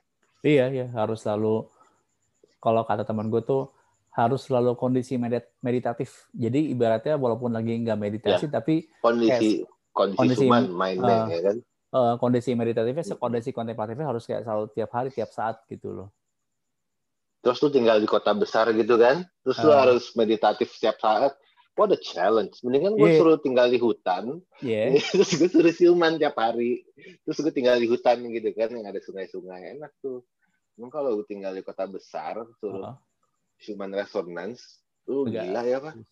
Mak- Gimana? makanya makanya menurut gue tuh menurut gue harusnya selama pandemik ini ketika lu di rumah harusnya bisa loh lo akses ke human. Oh kalau di rumah. Iya, harusnya kalau sama. lu kemudian udah udah suruh jalan keluar ketemu orang ketemu macet ya kan? Nah, at least pakai masker. Eh, at least tuh ketika ketika lo ma- masih kondisi lu apa WFA, lu di rumah aja, lu kontemplasi, enak. Lo Oh, sium, lo siuman. Nah, ketika lo udah keluar ke back to society, lo udah bisa enak gitu lo menghadapi kehidupan, bener nggak sih? Iya sih benar Iya. benar iya. Benar setuju. Tapi kan abis itu lu bulan ketiga bulan kedua lupa Nah, Nggak- memang- memang- Memang harus memang harus ini sih memang harus konsisten kan kuncinya kan gitu. konsisten Oh. Iya benar Makanya emang kalau sebenarnya sih kalau mau cara gampang sih kalau kita mau akses ke human ya emang udah bener kita meditasinya malam sih bener ya. Udah paling bener malam udah deh. benar Di saat emang bener-bener nggak ada Iya. gangguan dari apa bukan gangguan sih nggak ada nggak ada nggak ada distraction dari orang rumah terus juga situasi lebih kondusif lebih tenang sepi itu emang enak karena kan emang secara nggak langsung ketika lu di malam hari kan juga eh, ketika lo merasa lu lebih santai lebih rileks kan juga lu juga nurunin gelombang otak juga lebih gampang juga Iya memang sih, Hmm. memang. Jadi kayak kayak Memang itu lebih lebih suportif ya. Kalau brand, eh, momen malam tuh memang lebih suportif sama kemungkinan kita untuk eh, connected dengan Suman atau Alpha itu memang lebih iya. lebih lebih suportif. Hmm. True. Karena malam yin energy juga berkeliaran kan. Kenapa? Eh, kalau jadi kan eh, asosiasinya itu kan kalau malam itu kan Hmm. energi energi yin, Iya. energi bulan. Iya. Kalau siang itu kan energi yang, Iya. energi energi positif, po- energi aktif. Ah, Jadi kalau kita bicara yin yang, Ah, kita bicara malam dan siang. siang. Gitu, ya. Jadi hidup itu kan seperti yin yang keseimbangan Iya. malam dan siang. Ada siang di malam, ada malam di siang. Hmm. Sama juga kayak lambang yin yang gitu kan. Iya. Di hitam ada titik putih, di putih ada titik, Titik hitam. hitam. Ah. So life is like that. Jadi kita mau bagaimana sejauh mana kita bisa merespon. Nah itu Hmm. cukup pintarkah kita sama ini kehidupan yang kita jalani cukup aware nggak? Gua kemarin tuh sempat ada baca berita di salah satu portal berita. Hmm. Jadi eh, kita itu galaksinya apa sih Milky Way ya? Ya kan? Iya, Milky Way. Apa sih? Galaksi bahasa Indonesia apa sih? Bima Sakti. Oh, jadi di Bima Sakti yang sama, Hmm. cuman jaraknya 13.000 tahun Oke. dari bumi, 13.000 tahun cahaya dari bumi, Hmm. itu diperkirakan ada kehidupan. ada, ada peradaban malah bukan kehidupan lagi. Ada Oke. peradaban bos di sana. Cuman jaraknya 13.000 tahun. Gila. Nah, pesawat roket kita yang mentok sampai mana? Ya kan? Sampai Jupiter lagi. Habis itu nggak bisa balik. Berarti harus pakai pesawat yang sekelas Star Trek yang punya kecepatan cahaya. Ah, ini yoi masih pakai pesawat Star Trek atau teleport sekalian. Iya, teleport. ah. Lu percaya nggak? Lu lu lu ada spekulasi gini nggak sih? Mungkin nggak sih ketika kita meninggal kita bukan pergi ke surga atau neraka, tapi kita pergi ke peradaban lain di area galaksi kita. Kepikiran gitu nggak sih pernah? Lu Kalau pernah lu gua- kepikiran gitu? Kalau gue gini ya, gue mikirnya mungkin kayak eh, pindah ke satu tempat emang yang secara energi cocok dengan kita. Di mana pun itu tempat ya gue nggak tahu. Jadi bisa ini bisa bisa ini place gitu loh. Heeh. Mungkin mungkin di galaksi Ya, ini, setuju, mungkin di setuju. dime- mungkin di dimensi lain, who knows gitu loh. setuju setuju. Iya, gua gitu. setuju. Gue mikirnya sih kayak gitu. Hanya kalau kalau kita kemudian dengan kita meninggal ternyata kita pindah ke galaksi lain gitu kan ke planet lain Hmm. how cool is that sebelum kita benar-benar akhirnya masuk ke uh, dimensi kematian gitu maksud gue katakan deh kita iya, iya. spekulasi kita asumsi kita pada akhirnya menjadi bagian dari transisi menuju pencipta Hmm. tapi sebelum transisi sebelum moksa atau apa pun itu Iya. kita pindah dulu ke planet ini planet ini mungkin terlahirnya juga sebagai udah bukan manusia lagi mungkin prototype alien jenis apa Iya, nggak tahu makhluk apa. Atau Kulit. mungkin tumbuh tumbuh tumbuhan mungkin bisa aja tumbuh-tumbuhan mungkin. Ah, jadi tumbuhan Iya, bisa aja loh. jadi tumbuh jadi tumbuhannya poison po, poison ivy lagi Iya. ah, ya. mungkin aja mungkin, Mungkin. aja jadi begitu mungkin Mungkin. atau kita jadi binatang yang hidup di bawah laut gitu kan Who knows? nggak tahu who knows juga Iya. iya. Ya, itu kan tergantung yang sang pencipta aja mau mau apa namanya mau mengarahkannya ke mana atau mau istilahnya misi kita udah selesai atau ternyata kita ada misi lagi ya terserah dia. Ya itu rahasia Iya, rahasia rahasia rahasia beliau itulah. Iya, memang. Lu pernah baca risetnya nggak sih? Jadi bukan riset, ada kayak pengamatan mikroskop deh. Hmm, Jadi kita Bima Sakti itu ternyata punya tetangga. Oke, menarik nih. Jadi Bima Sakti yang Hmm. seluas ini yang jutaan planet ini kita punya tetangga namanya eh, tetangga kiri kanan atas bawahnya itu ada universe universe lain ada bima sakti lain oke okay. itu istilahnya multiverse oh okay. multiverse itu adalah konsep di mana kita di Milky Way ini kita punya tangga Milky Way Milky Way lain dan di situ ada pra, ya, ya sekarang ini deh yang tadi gue bilang di antara Milky Way aja itu 13.000 tahun cahaya. Hmm. Gimana di multiverse lain berapa ratus ribu tahun yeah. cahaya gue udah gak ngerti lah ya. Seberapa hebat pencipta kita sebagai arsitek membuat itu. Masa bikin cuma buat bumi doang? Enggak lah ya. Nggak mungkin, nggak mungkin. Dan nggak mungkin juga, ya. nggak mungkin cuma ciptain manusia doang. Enggak, enggak mungkin pasti nyiptain yang lain yang kita nggak tahu dan sengaja dibikin nggak tahu. Yeah. kita itu. Buat dites. Uh, seberapa jauh sih? Lu ya. Se apa seberapa jauh awareness lo seberapa jauh consciousness consciousness lo gitu lo istilahnya. Consciousness lo? Iya. Yeah. lo seberapa jauh sih lo bisa lebih wise menghadapi hidup ini Iya. Seberapa jauh sih lu bisa membantu sesama lu? Seberapa jauh sih lu mencari gue? Nah. Atau seberapa jauh istilahnya gini bahwa ketika lo mengalami satu masalah kayak iyalah masalah lu mah gak ada apa-apa dibandingin dengan masalah yang ada di di luar sana gitu loh. iya, masalah di luar sana tuh cukup serius loh. Iya. Kalau di bumi aja deh.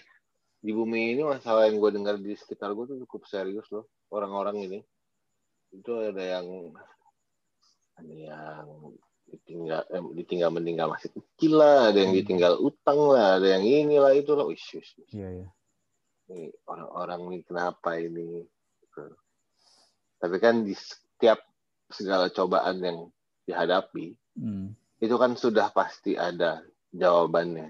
Iya. Cuman kan apakah kita mau mencari dan menuju ke jawabannya itu yang menjadi pertanyaan lebih lanjut karena nggak semua orang mau melepas attachmentnya dia terhadap satu hal. Attachment itu ketermala apa ke kemelekatan. Kemelekatan, ah ya, kemelekatan bahasanya. Iya. Bukan attachment email ya. Iya, Beda iya. loh. Jauh ini jauh. Attachment email. ini kemelekatan. Ini listeners mungkin bertanya-tanya, apaan sih ini kemelekatan? Attachment. Jadi kemelekatan itu adalah di saat lo mempunyai bonding, punya ikatan dengan sesuatu yang lu senang nih. Apa itu? Misalnya lu suka sama handphone lo yeah. atau dom desain dompet lo. Lu feel so attached sama hal itu. Dan itu justru yang akan diuji terhadap lo. Hmm. Attachment lo akan diuji biasanya sama pencipta. Ketika itu nggak ada, lu masih bisa hidup nggak sih? Lu masih bisa biasa aja nggak sih? Mm -mm. Bener masih bisa WH aja nggak sih masih hidup nggak sih? Lo masih masih begitu nggak sih atau lo upgraded nggak gitu kan? Atau kalau di kalau mau di, di apa ya, ya kalau di mau dikorelasikan ke kondisi sekarang, ketika, ketika sekarang kondisi lo harus di rumah aja, lu bisa nggak sih menahan tuh nggak traveling dulu, lu bisa nggak sih menahan diri untuk nggak pergi dulu gitu. Iya, itu ba banyak tuh. Itu banyak itu tuh yang pengen traveling sih. Iya loh sampai yang apa harus rela-rela ngantri. Gue sih Iyalah tempatnya juga ke mana-mana kali masih bisa tahun depan, tahun lagi masih bisa kok. Tahan diri dulu aja gitu loh. Kayak iya, iya, iya, iya. kebelet banget gitu udah ilah lu. Santai aja tempatnya juga nggak akan hilang. iya, iya. Iya. Itu kan juga bagian dari lu kemelekatan terhadap terhadap sesuatu kan. Yang itu yang akhirnya menghambat, yeah, ya, menghambat lo untuk apa ya? Menghambat lo untuk lo mungkin gue mau menghambat ya. untuk untuk lo bisa bertransformasi lagi kali jangan-jangan gitu. Iya, iya, iya, iya, iya, ya. benar. Gitu. Agree, agree. Iya, mungkin emang apa ya kayak ketika ketika lo harus di rumah aja, mungkin ketika Tuhan oke okay, lo di rumah aja deh, biar lo dapat satu, mungkin ternyata oh ternyata Tuhan tuh mak maksa gue di rumahnya ternyata biar gue dapat ini ternyata gue ini ya oh ternyata ini ya gitu jadi ternyata ada hal menarik yang bisa gue lakukan selain selain traveling ya who knows Iya Ya.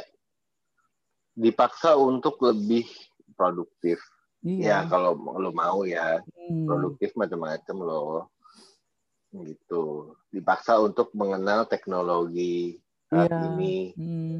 Dipaksa untuk bisa belajar hal begini baru. loh. Hmm, hmm, hmm. Ya, eh, dipaksa untuk misalnya main game online bisa sini lo nggak nih bercanda ini gara-gara gue Itu mah itu mah lu aja itu.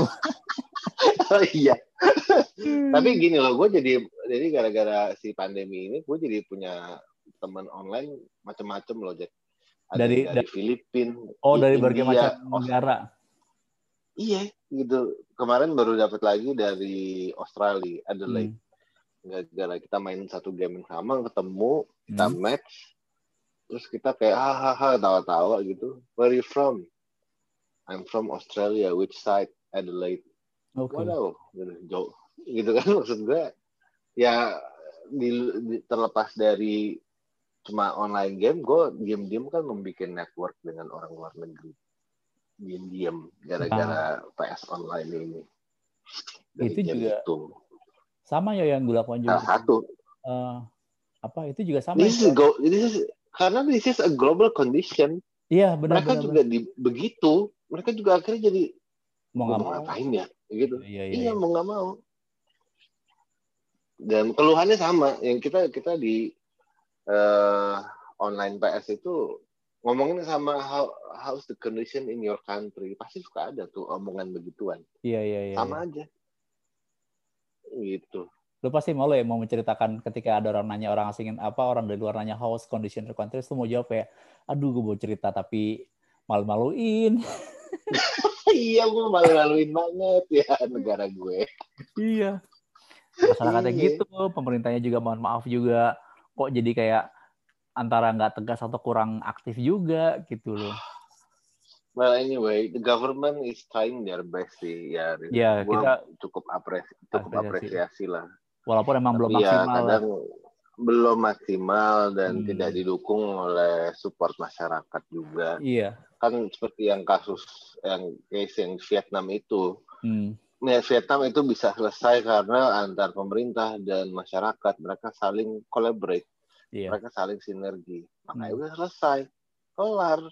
Kalau ini kan kita oh, lo society 62 plus ke tambeng amat ya Iya iya. bandel amat dibilangin gitu kan ngeyel terus pemerintah juga ada beberapa juga suka nggak tegas jadi kita kan jadi makin ya udah terima aja daripada kita ribet begituan mendingan Oh. kita menciptakan imun dari pikiran kita, Kita. balik ke situ iya dong daripada Benar. lu nu- nunggu ini nunggu itu mendingan kita mengolah diri kita menjadi lebih baik mencari makanan yang enak Iya gitu iya kan iya. makanan yang enak, bacaan yang enak, musik yang enak, semuanya enak. Dan termasuk kontemplasi ini. Oh, fokusin lah. Apalagi sekarang banyak yang mulai masak. Di sekitar lu banyak ya? Pasti kan. Mas, iya, gua aja jadi masak gua sekarang. Gua saja jauh. Iya, iya. iya, gua aja jadi masak. Iya, dan banyak ternyata orang banyak yang punya bakat ma- masak enak tuh ternyata banyak juga. Bakat terpendam gua itu. Banyak. Bakat terpendam, iya. Ya, gua akhirnya mulai ini mulai explore nemu oh ada makanan ini makanan ini seru ya ternyata gitu boleh jadi ya makan enak tidur enak bacaan enak musik enak Iya. kontemplasi yang enak itu Jadi menjadi kayak obat obat terbaik sementara dan jadi nggak berasa kayak lagi pandemi kayak ya udahlah enjoy aja. Toh juga emang benar banyak iya. banyak sesu- apa ya kayak ada beberapa hal yang bisa entertain lo, yang beberapa hal yang bisa kayak bikin lo lebih lebih comfort juga nikmatin kalian walaupun emang kita nggak benar sampai kapan gitu loh. tahu sampai kapan berakhir bisa setahun setengah ini Iya belum dari Februari apa belum ntar masa Masa recovery-nya kan pasti lama juga kan. maksud lo recovery apa Riz? Maksudnya kayak kayak kayak benar-benar selesai kan istilahnya gini selesai selesai covid ini kan bukan berarti itu benar-benar semua semua aspek itu bisa pulih semua. Pasti kan ada prosesnya Oh, ya. aspek ya ya iya ya. iya kayak contoh kayak tourism itu wah itu kan mungkin buat gue lama kali itu itunya proses apa namanya eh, recovery-nya itu. Apalagi yang di ini ya, yang di luar kota gitu ya, iya yang di Bali, NTT, Hmm, Sulawesi, Manado gitu. Wah, tuh lebih gila lagi tuh. Makanya kan sekarang Karena kan mereka ya, mm, makanya sekarang kan emang ada apa eh, rapid test, ada apa anti apa eh, swab, antigen gitu macam-macam iya. supaya untuk masihin emang ya kalau menurut gue mungkin kalau kalau lo mau traveling masih di dalam kota dan lo apa namanya eh, travelingnya juga di tempat terbuka mungkin ma- masih oke lah gitu. Cuman kalau ke luar negeri kayak nanti dulu deh kita nggak tahu nih kebijakan kebijakan di luar gimana gitu loh. Karena jangan sampai ntar ketika lo merasa klaim gue di Indonesia udah negatif, ternyata pas lo dites sana lo positif, nah selesai dah lo. mati lu Iya. ya kan. Iya, iya. Jadi memang saat ini kita dilanda ketidakpastian ya dalam hal traveling. Iya. banyak sekali karena alat-alat deteksinya juga masih tanda tanya kadang-kadang Karena juga tadi kan banyak luka Apa? apa tuh gue baca jadi berita juga emang ternyata ada juga kok yang emang udah tes ternyata masih ada yang positif juga kok. Padahal udah tes itu itu apa rapid rapid apa apa ya gue lupa apa deh. swab Lupa gue lupa gue.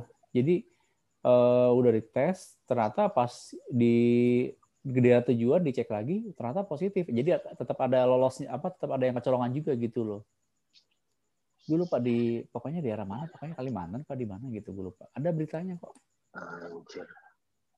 ribet ya urusan nih Iya gitu. Makanya gue mikir kayak ya apa ya kayak ya gue sih mendingan gue menahan diri dulu deh untuk nggak traveling dulu deh gitu loh sampai benar-benar kondisi benar udah aman udah pulih banget gitu loh. Kayak gue iyalah maksudnya ya kalaupun nggak traveling lu masih bisa banyak hal yang bisa lo lakukan gitu loh. Kayak jangan sampai ntar ketika lo nggak traveling kayak aduh gila gue nggak bisa traveling kayak ah kayak ya lu kayak nggak ada kegiatan lain aja yang lebih yang lebih positif gitu. Kan lu bisa nyari gitu loh. Kalau menurut gue sih gitu loh. Banyak sih kegiatan positif yang iya. dilakuin tuh banyak banget actually. Iya iya. Banyak banget cuman ya termasuk baca buku sih. Gua salah satu kegiatan lu adalah diem-diem gua itu ngulik lagu gitu sama buka-buka buku lagi Hmm, buku apa pun yang ada di rak diem-diem secara nggak langsung tuh pun aduh semenjak semenjak di rumah aja ya? iya di rumah aja kerjaan udah selesai tidur siang udah Iya. Bisa tidur siang main sekarang ya? Udah Iya, bisa tidur siang Iya. ya. Hal yang bisa lo nggak bisa lakukan di kantor ya. iya iya gitu yang power nap sejam enak Hmm. banget Di kantor mana bisa power nap 10 menit paling kan Iya, kalau di rumah kan power nap sejam enak apa? enak Bangun abis. tidur lo bisa langsung kerja lagi. Kalau di kalau di kantor kan lo masih pas bangun tidur lo cuci muka dulu lah, ngapain dulu gitu kan. iya iya iya makanya tapi gue kan mulai ini kan jadi kan gue kadang-kadang ke kantor kan gue udah balik ini kan buat WFO nih work from office Hmm. Gue udah kadang-kadang gue kan tiap hari naik kereta. Iya. kadang-kadang tapi ke sekarang karena pandemi gue shift-shiftan kadang naik kereta kadang naik kendaraan naik mobil gitu. Ah, ah. ya kalau naik kereta sih memang sekarang ini sepi tapi udah nggak asik lagi aja. Gue berapa kali tuh nggak nggak nggak yang pasti nggak boleh rame-rame Iya. Nggak boleh sampai yang udah dalam kereta Iya. numplek dempet-dempet gitu Hmm. numplek dempet-dempet nggak nggak bisa Hmm. terus kalau berapa kali tuh gue ngangkat telepon ada yang dari klien ada yang dari temen Hmm. ditegur sama itu satpamnya Oh maaf iya. mas nggak boleh ngomong dalam kereta Iya, iya, iya.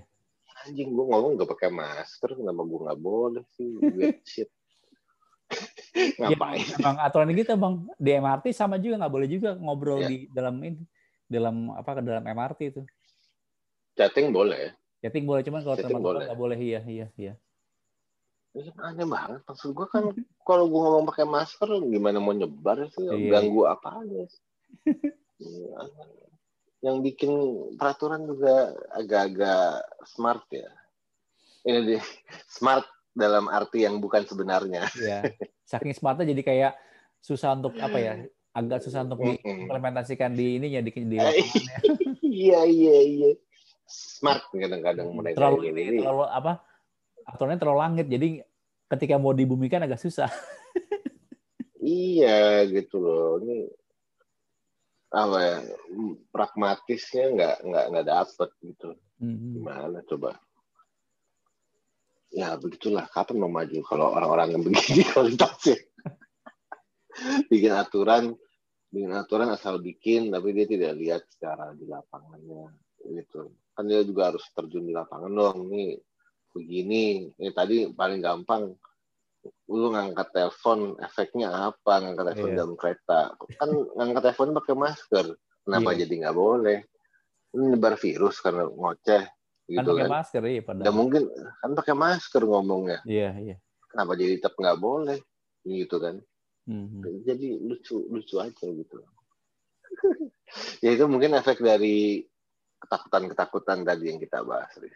Iya, Jadi iya. kita hidup di mana media kita terus secara masif dan konsisten melakukan berita-berita COVID secara terus-menerus dan banyak sekali ketakutan dan kekhawatiran yang diungkap terus terus terus sehingga itu menyerang psikis Iya. banyak masyarakat. Serang loh psikisnya lo. Kalau lu baca tiap hari banget, nih, banget. lu lu lihat detik atau grup WA atau misalnya Atau sosmed. TV atau apa pun Iya, deh, iya. sosmed lu lu tiap hari mantengin aja lu keganggu loh kalau lu Hmm. nggak kuat-kuat sih keganggu sih ya tetap ya 3 m ya Iya, iya. 3 m nya tetap cuman kan ya psikisnya tetap harus dijaga karena itu yang utama benteng utamanya Iya, iya. kalau lu nggak jaga benteng utamanya ya Jebol-jebol juga. gitu jebol-jebol juga karena gimana ya gue tuh pernah encounter dengan beberapa terduga covid Hmm. Dan I was that close dengan orang itu. I was that close. Oke.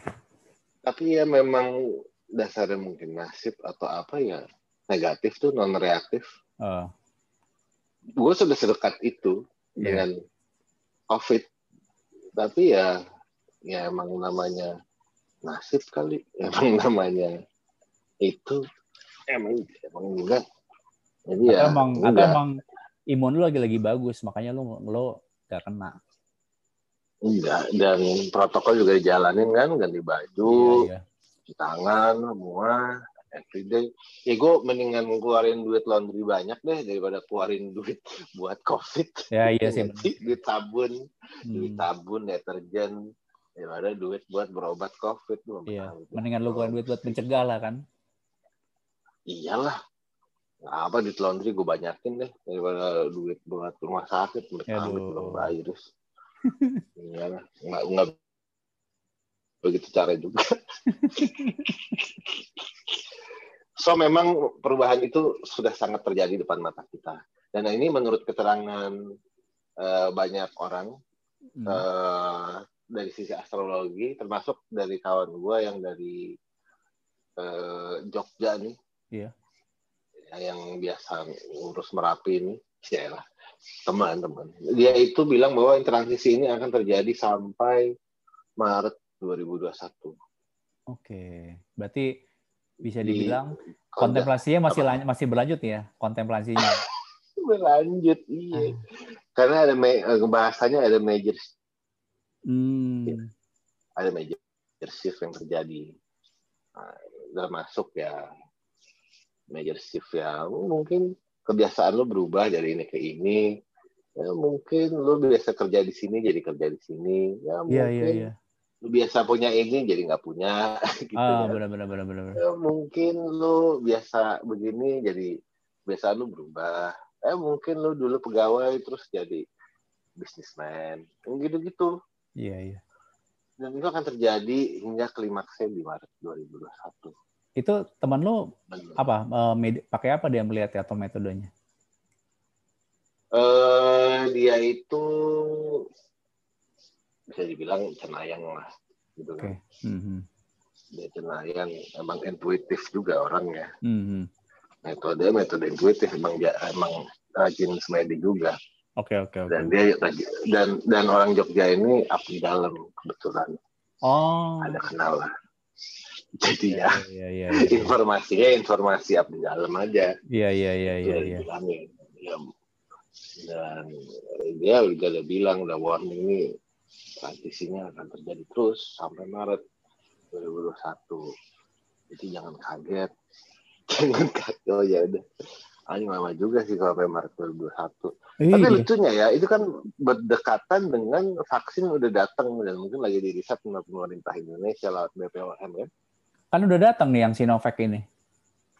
Tapi kan belum ada uji klinisnya. Iya, walaupun emang, kan belum ada. emang, eh, apa kayak Ridwan Kamil udah bersedia jadi jadi apa ya jadi orang yang divaksin Jokowi juga udah bersedia juga Iya, gitu. iya. Iya, iya. Iya, udah datang tapi kan belum ada apa ya? BPOM juga belum mengeluarkan validasi Ah. pengumuman resmi kan belum ada. Jangan-jangan itu lagi dites dulu kan? Iya iya. Atau mungkin di uji coba sama vaksin-vaksin lain kira-kira mana yang lebih bagus kan kita nggak tahu. Tapi diam-diam itu gue dengar beberapa kabar ya. Jadi sebenarnya tuh obat COVID itu sebenarnya udah ada loh. Cuma sama, sama dunia medis ditutup Oh apa tuh? Di di aduh kalau yang di Singapura ada obat treatment COVID dia pakai obat AIDS Oh karena emang emang katanya kan si COVID ini kan emang di enrich dicampur sama virus AIDS jadi memang efek mematikannya kayak AIDS katanya. oh Hmm, katanya ya gitu ya katanya. ya ya itu satu terus yang di Jepang Hmm. itu kan eh, juga katanya udah nemu obatnya cuman nggak mau dipublikasiin Iya. Jepang terus kita juga punya apa terapi plasma darah ya Oh iya iya iya plasma darah. ha. itu juga katanya efektif Iya katanya. Tapi kan emang kayak plasma darah ini kayaknya juga kalau dari sisi dokter juga mereka juga harus banyak riset dulu dan harus ada bikin jurnal supaya membuktikan bahwa ini am, ini aman dan efektif loh Aman. secara secara secara secara medis gitu. Iya, jadi apalagi kan sekarang zaman Google ya, kita Hmm. browse lah dengan baik dan bijak. Karena kan banyak informasi yang bagus juga di situ. Jangan terus baca hoax pemerintah aja, atau Iya. oposisi. Capek lo bos. Capek. lu. Ini lagi Dengerin lagi begitu. masa lagi bencana nasional nih lu ngapain sih mikirin mikirin apa apa cebong kampret kardun aduh capek. Udah enggak, aduh. Iya. Jangan deh. Apa ya? Orang udah pada nyatu itu. Iya kan? Iya, endingnya happy ternyata. Kasihan yang dulu yang saling benci. ya. Aduh, capek deh. Uh, itu oposisi dua jadi menteri itu Iya. menteri-menteri lagi ya udahlah bos Hmm. nyantai aja kita ya gitu kan di bawah aja Tapi sebenarnya kalau kalau ngomongin apa ya, pada akhirnya sebenarnya terlepas dari nanti akan ada vaksin atau mungkin vaksin masih lama, sebenarnya ya kita bisa membentuk bisa kita bisa apa ya bisa memperkuat imunitas kita sendiri kan gitu kan tanpa harus nunggu vaksin itu Bisa kan banget, sebenarnya. Rif. iya. Bisa banget Rif bisa banget. Itu kita kita menciptakan vaksin dari main kita sendiri dari siklus kita sendiri. Iya. Ada apa sih ada sejenis endorfin dan eh, hormon-hormon positif lain yang bisa Iya. menjadi antibodi kita. Gitu dan tapi kan berapa banyak sih? Iya. berapa banyak sih lu mau ngelakuin itu gitu loh. Ya emang emang kayaknya emang harus kita harus apa ya ya salah satunya kan harus rajin eh, bukan rajin sih kayak harus sering kontemplasi sering meditasi. Terus juga kita juga lebih apa ya banyak melakukan apa ya hal produktif di, rum- di di rumah gitu emang lagi di rumah gitu kan. Itu kan salah satu cara juga kan istilahnya kan. Hmm, hmm, hmm. betul betul iya.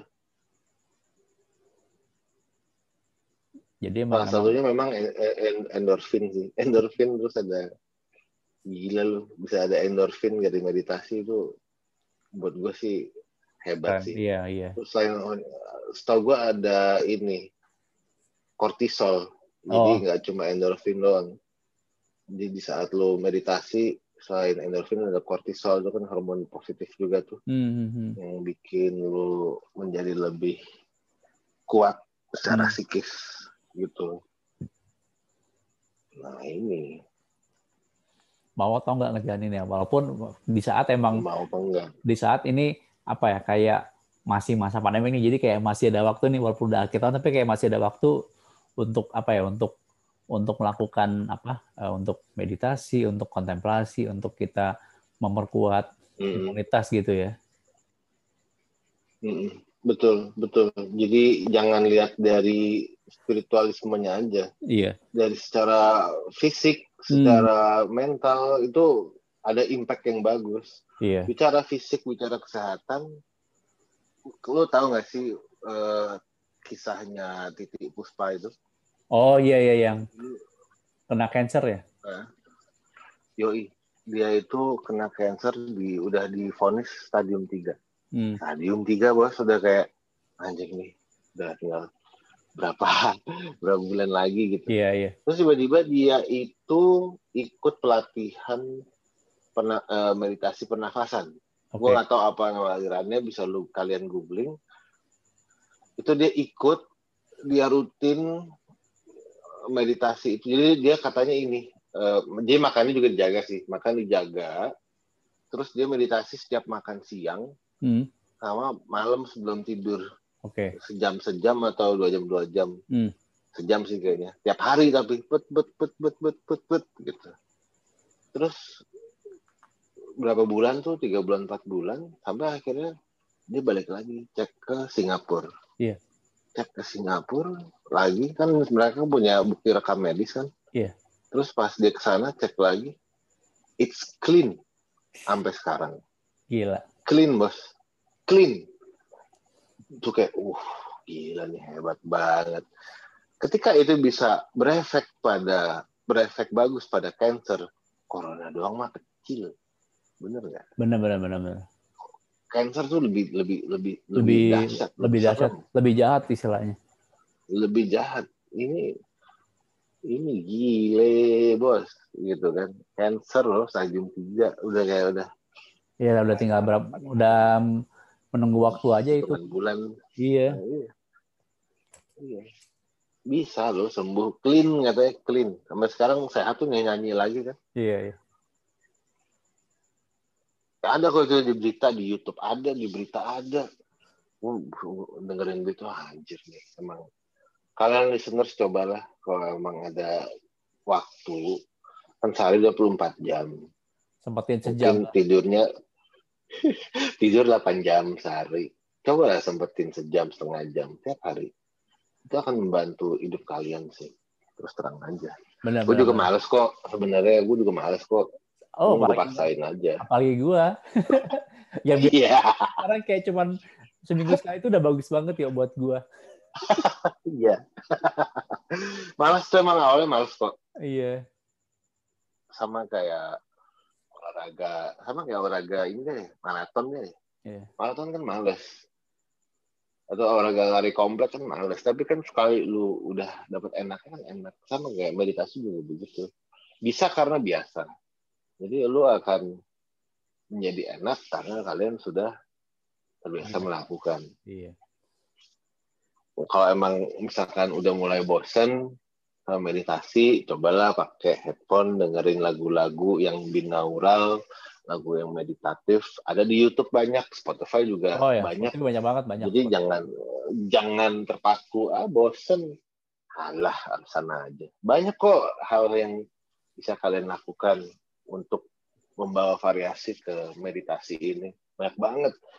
Kalau zaman dulu, zaman gua belajar spiritual tahun 2007 mah minim mana ada begitu-begituan. Iya. Gak ada. Udah enak banget Spotify, YouTube, terus area-area lain itu yang nyediain apa? apa? Termasuk meditation app juga ada kan yang gue ada tuh yang gue lupa namanya. Iya. yang oh yang lu cerita itu ya? Iya bisa dengar iya, suara suara alam suara apa? Suara ombak ah, suara air iya, iya suara iya, angin. Ada meditation app. Itu Bener. cukup efektif loh gue dengerin emang bener-bener it helps. Ah gimana rasanya di lu?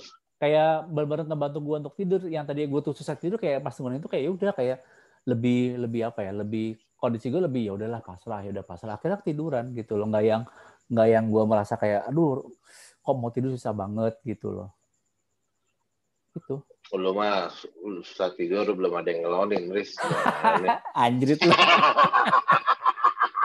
Nggak, gue juga gitu soalnya dulu. gue juga gitu pas pas jomblo juga begitu. Hmm. Ada sendiri, terus ya, Sekarang jadi gampang begitu. tiduran. gampang, gampang kalau sekarang mah. Hmm. Aduh. Aduh, jadi omongannya jadi 17 tahun ke atas. Aduh. ya, BTW thank you ya udah Yo. mau gue kepoin dan kita nih oh, Thank you, thank you, thank you, Riz. Sangat, apa Udah sangat lama juga ya kita banget nih. nggak tahu nih berapa lama. Sejam lebih nih. Emang sejam, iya. Thank you Aris dikasih kesempatan untuk menyampaikan unek-unek, menyampaikan uh, aspirasi apa yang menjadi isi pikiran gue. Dan...